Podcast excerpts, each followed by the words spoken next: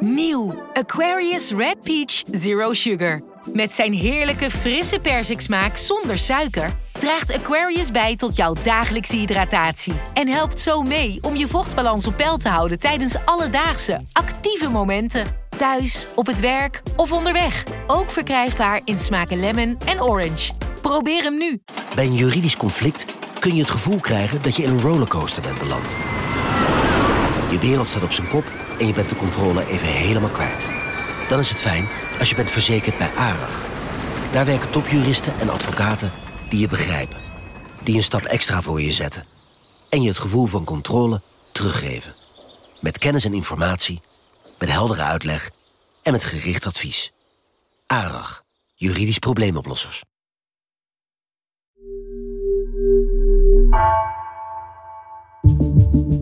Vanaf de redactie van NRC het verhaal van vandaag.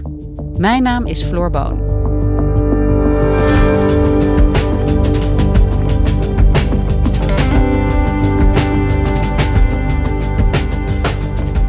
Dagelijks komen we in aanraking met tienduizenden chemicaliën, zonder dat we het doorhebben. Van tandpasta en zeep tot anti-aanbaklagen en de lucht die we inademen. Redacteur Steven Vrulke ziet dat we leven in een chemisch steeds vervuildere wereld. Wat doet dat met onze gezondheid?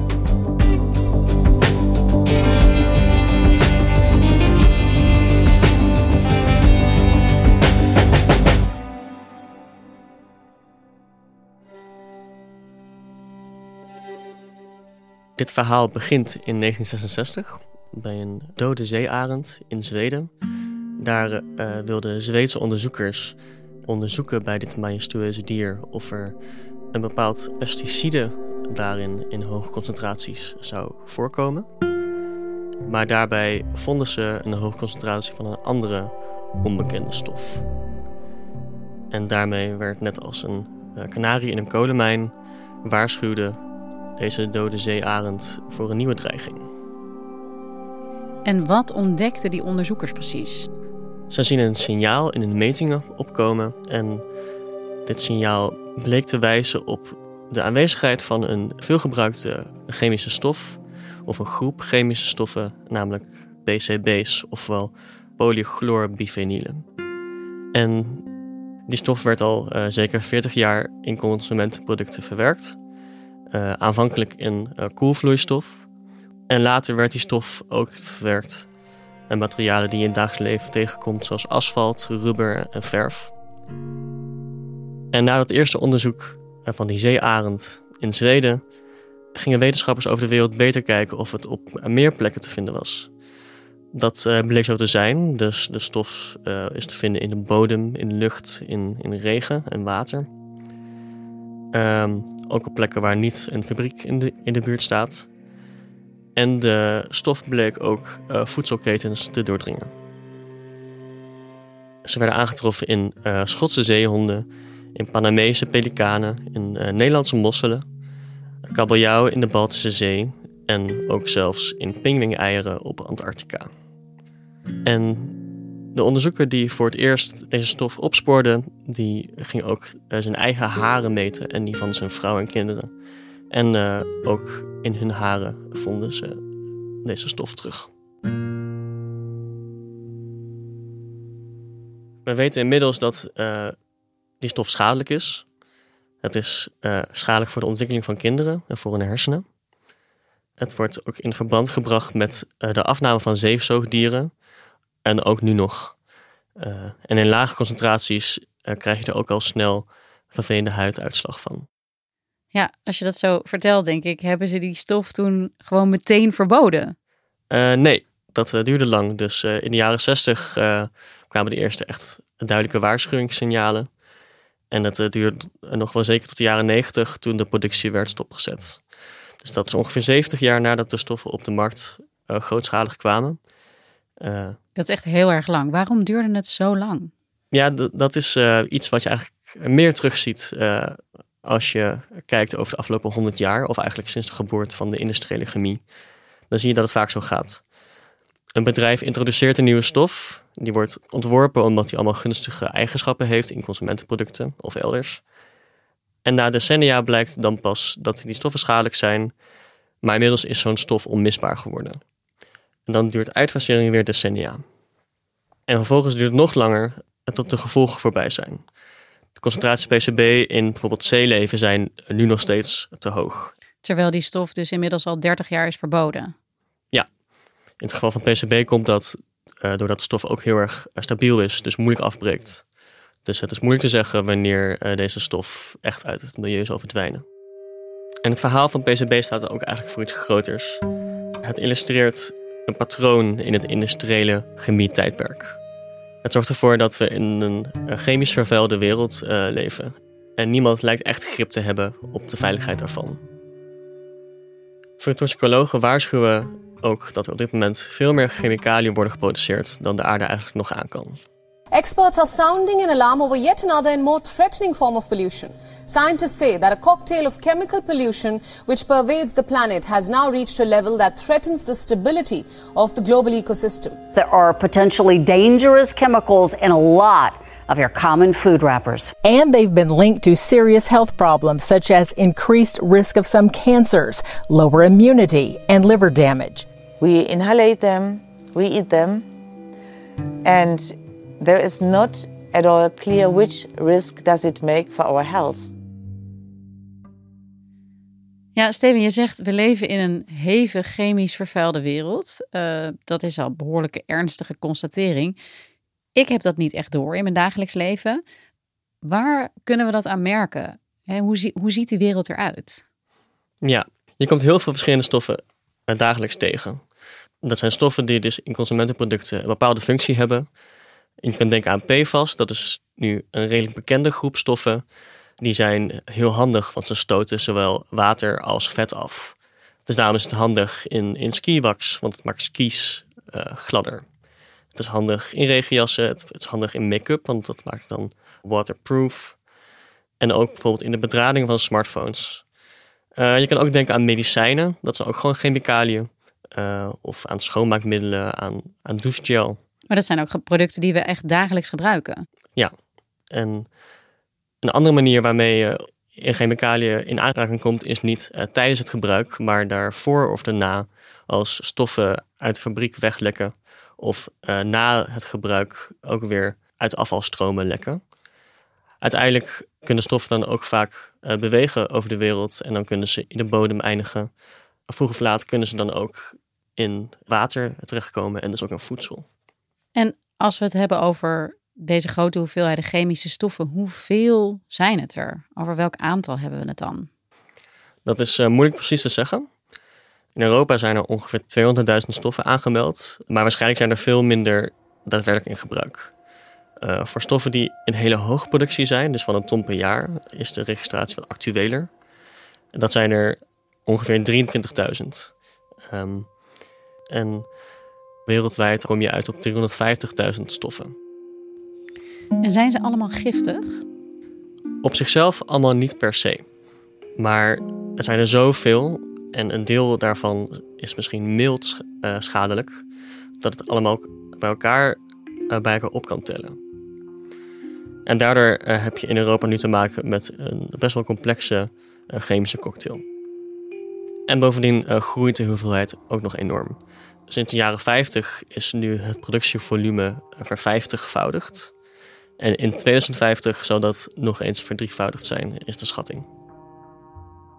Oké, we leven dus in een chemische cocktail, zeg jij. Wat betekent dat voor onze gezondheid? Dat kan op uh, twee verschillende manieren werken. Ten eerste zijn er stoffen die op zichzelf schadelijk zijn. Dus ook al bij niet hele hoge concentraties kan je daar al iets van merken. Uh, dat is bijvoorbeeld nu bij PFAS het geval. De giftige stoffen PFAS zitten bij iedereen in het bloed, zelfs bij kleine baby's. Inmiddels is duidelijk dat alle soorten perfluorstoffen schadelijk kunnen zijn voor de volksgezondheid. Verzamelnaam PFAS. Het gaat inmiddels om zo'n 5000 verschillende stoffen die praktisch nooit meer zullen vergaan.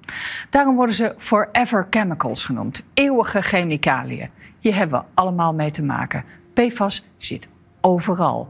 Ook afgelopen maand werd duidelijk dat er ook nu te veel uh, van de stof bisphenol in je dieet zit. Er is al jaren discussie over hoe schadelijk hormoonverstorende stoffen zoals bisphenol A en ftalaten zijn. Ook in extreem kleine hoeveelheden zou deze stof een hormoonverstorende werking kunnen hebben. Maar toxicologen wijzen daarnaast ook op een zogenoemd aggregate effect. En dat is dus het totaaleffect van een, een hele cocktail aan stoffen, die allemaal misschien heel erg mild toxisch zijn, maar bij elkaar opstapelen. Uh, en dan is het duidelijk dat een langdurige blootstelling dan van alles kan veroorzaken. Dat hangt ook af van het mengsel dat jij precies binnenkrijgt. Dat kan uh, misschien hier anders zijn dan in Zweden. En dat staat in verband met van alles van schade aan het zenuwstelsel of aan de voortplantingsorganen tot aan kanker. En word ik bijvoorbeeld ook langdurig blootgesteld, hè, zonder dat ik dat eigenlijk door heb, door al die producten te gebruiken? Of is dat alleen maar in speciale omstandigheden? Ja, je wordt zeker ook blootgesteld. Uh, iedereen raakt in aanraking met uh, duizenden stoffen. Je weet dat op grote schaal blootstelling aan chemicaliën allerlei effecten kan veroorzaken. Maar wat mensen daar nu aan merken is onduidelijk. En daarover sprak ik met Christina Rudeen. Uh, zij is uh, hoogleraar van regulering voor ecotoxicologie aan de Stockholm Universiteit. How much do humans now notice of chemical pollution? Yeah, that's the million dollar question, I would say. Um, because the, the problem is that we are humans and we are exposed to maybe uh, thousands of chemicals each day in different mixtures. We have, for instance, an, a yearly increase in cancer rates. We don't really know why it's occurring. We have had during the last generation a massive increase in allergies. So we that work with hazardous chemicals, we say that probably chemicals has something to do with it. Ja, wauw. Ik probeer even tot me te laten doordringen wat jij allemaal vertelt en uh, ook wat uh, deze hoogleraar allemaal vertelt. Hoe hebben we het zo ver kunnen laten komen? Dan moeten we een stapje terug doen in de tijd. Uh, want in de eerste plaats is de huidige mate van chemische vervuiling een erfenis van de 20e eeuw. Uh, in de vorige eeuw was er vaak geen wetgeving om uh, chemische vervuiling tegen te gaan. Dus sinds de geboorte van de moderne scheikunde, dus dat is eigenlijk al in de 19e eeuw, had de industrie lang carte blanche. Dus tegenwoordig, als je een stof op de markt brengt, dan moet je allerlei tests doen. Dus je moet laten zien dat een stof in het milieu afbreekt. Je moet laten zien hoe een stof zich in het lichaam gedraagt. Uh, je moet misschien test bij ratten doen. Maar dat hoeft heel lang allemaal niet. Dus bedrijven die bepaalde chemische stoffen produceerden om een goed consumentenproduct te maken, die konden in feite gewoon doen wat zij wilden. Lang wel. Maar in 1967, toen uh, kwam er in Europa een strenger systeem. En dat was een gesplitst systeem. Dus je had regels voor hele oude stoffen, die al voor het ingaan van dat systeem op de markt waren. Daarvoor kwamen er geen nieuwe regels. Uh, voor nieuwe stoffen uh, kwamen er wel weer uh, strengere regels. dus bedrijven die moesten zelf ruwe data aanleveren die iets zeiden over de veiligheid van deze stoffen. En vervolgens werd bij autoriteiten de verantwoordelijkheid gelegd om te controleren op veiligheid. Dat is in principe een goed systeem. Want de verantwoordelijkheid lag bij de overheid om de veiligheid te garanderen. Maar er kwamen zoveel nieuwe stoffen bij dat de werklast veel te groot werd. Er waren schattingen dat het duizenden jaren zou hebben geduurd om al die dossiers te checken. Dus dat was uh, niet toereikend. Nee, dat is echt onmogelijk. Wat, wat deden ze toen? In 2007 kwam er een, uh, een nieuw Europees wettenpakket. Dat is het pakket dat we nu nog hebben en dat heet REACH. En dat verplaatste de verantwoordelijkheid deels naar bedrijven toe. Dus niet autoriteiten, maar bedrijven zelf werden verantwoordelijk voor de veiligheid van de stoffen. En werkt dit nieuwe systeem? Het klinkt namelijk ook wel een beetje als de slager die zijn eigen vlees moet keuren. Enerzijds wel, want er is nu veel meer veiligheidsinformatie uh, bekend over stoffen die er eerst niet was. Maar het heeft ook een keerzijde, want er ligt nu inderdaad meer verantwoordelijkheid bij bedrijven. En dat levert een soort uh, belangenverstrengeling op. Ja, want zij willen een product ontwikkelen.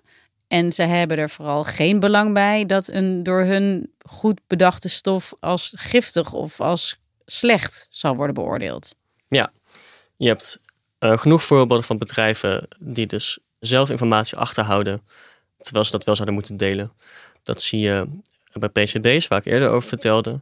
Daar was ook veel informatie door het verantwoordelijke bedrijf niet gedeeld, terwijl het wel heel duidelijk was dat, dat het schadelijk was voor hun. En een recente voorbeeld is een pesticide dat chlorpyrifos heet. Dat wordt sinds de jaren 60 in de landbouw gebruikt om ongedierte te bestrijden. De producent deed in 1998 eh, een toxiciteitsonderzoek bij ratten. En daaruit concludeerde het zelf dat, dat het gebruik veilig was. Maar als je veel beter naar die data kijkt, dan zien toxicologen dat dat niet het geval is. Dus de stof veroorzaakt wel neurotoxicologische schade, uh, terwijl het bedrijf zelf zegt van niet. Dit is niet iets wat uh, is opgespoord omdat het systeem zo goed werkt, maar dit is, is opgespoord omdat toxicologen dat bij toeval uh, tegenkwamen. En dit zijn geen losse incidenten. In een rapport van het Europese Agentschap voor Chemische Stoffen uit 2021 uh, stond dat de helft van de dossiers van chemicaliën onvolledig zijn. En 10% daarvan heeft ernstige gebreken. Ja, dit is dus bekend. Er zijn onderzoeken naar gedaan. En dat bedrijven, ja, als niemand goed kijkt, kunnen doen wat ze willen. Um, en zo kunnen ja, kwaadwillende bedrijven gewoon doorgaan waarmee ze bezig zijn. Klopt dat? Nou ja, ook in een goed systeem, uh, dat valt of staat met stevige handhaving. Er klinkt ook nog vaak kritiek van toxicologen. Die vinden dat er te veel ruimte is voor discussie met bedrijven. Die kunnen met rechtszaken veel vertragen. En de organisaties die zich hiermee bezighouden, wat gebeurt er op dit moment om de situatie te verbeteren? Er wordt nu al langer gekeken naar het aanscherpen van het huidige eh, systeem. Dat is nu dus zo'n 15, eh, 16 jaar oud. En ook bij de Europese Commissie begint men door te krijgen dat daar nog wel wat beters kan. Maar er lijkt nog niet zoveel haast achter te zitten. Of althans, het was de bedoeling dat uh, een herziening van REACH aan het begin van dit jaar door de Europese Commissie zou gaan. Maar dat is vertraagd naar het laatste kwartaal van dit jaar. En mensen vrezen dat het dan weer in een la verdwijnt, omdat je niet weet wat de prioriteiten zijn van de volgende Europese Commissie. En zou het iets oplossen als het wel lukt om, om dit aan te pakken? Het zou markttoezichthouders meer handvaten geven om discussie te omzeilen en om adequater eh, stoffen te kunnen inperken. Maar alsnog kan je de vraag stellen: is het überhaupt wel mogelijk om uh, chemische vervuiling te voorkomen met wetgeving? Want uh, ten eerste is chemische vervuiling niet alleen een Europees probleem, omdat chemicaliën zich niet aan grenzen houden. Een fabriek in Dordrecht die stoot PFAS uit en vervolgens richt het omlaag in Antarctica. Want ook daar zijn de concentraties van PFAS in regenwater te hoog. En REACH is, is bovendien het beste veiligheidssysteem ter wereld. Elders in de wereld is het nog veel makkelijker om uh, nieuwe stoffen op de markt te brengen. En voorlopig blijft de productie ook nog groeien. Ja, dus betekent deze constatering dat we voorlopig uh, met elkaar in een chemisch vervuilde wereld blijven leven? Ja, en dat is ook nog het uh, tweede punt. Zelfs als wereldwijd alle systemen heel goed zouden werken, dan kan je misschien vroegtijdig het gevaar opsporen van een nieuwe stof, voordat een te schadelijke stof grootschalig op de markt terechtkomt.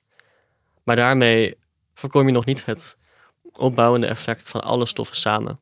Die cocktail waar je het over had. Ja. En als we dit dus moeten vaststellen en het moeten accepteren eigenlijk dat we in die vervuilde wereld blijven leven, is er nou nog iets wat je als individu kunt doen om je hier tegen te beschermen? Of is het alleen maar een kwestie van ondergaan en hopen dat het niet te veel schade oplevert?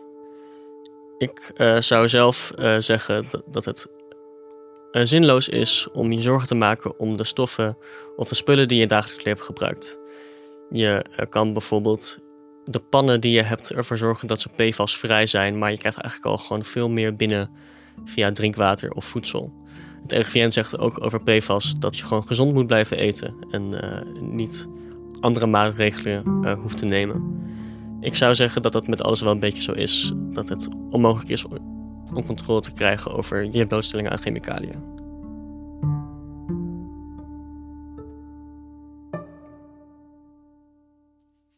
hier zullen we het mee uh, moeten doen. Dankjewel, Steven. Graag gedaan.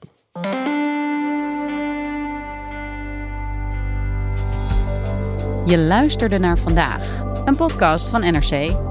Eén verhaal, elke dag. Deze aflevering werd gemaakt door Nina van Hattem en Ruben Pest. Coördinatie Henk Ruigrok van der Werven. Dit was vandaag. Morgen weer.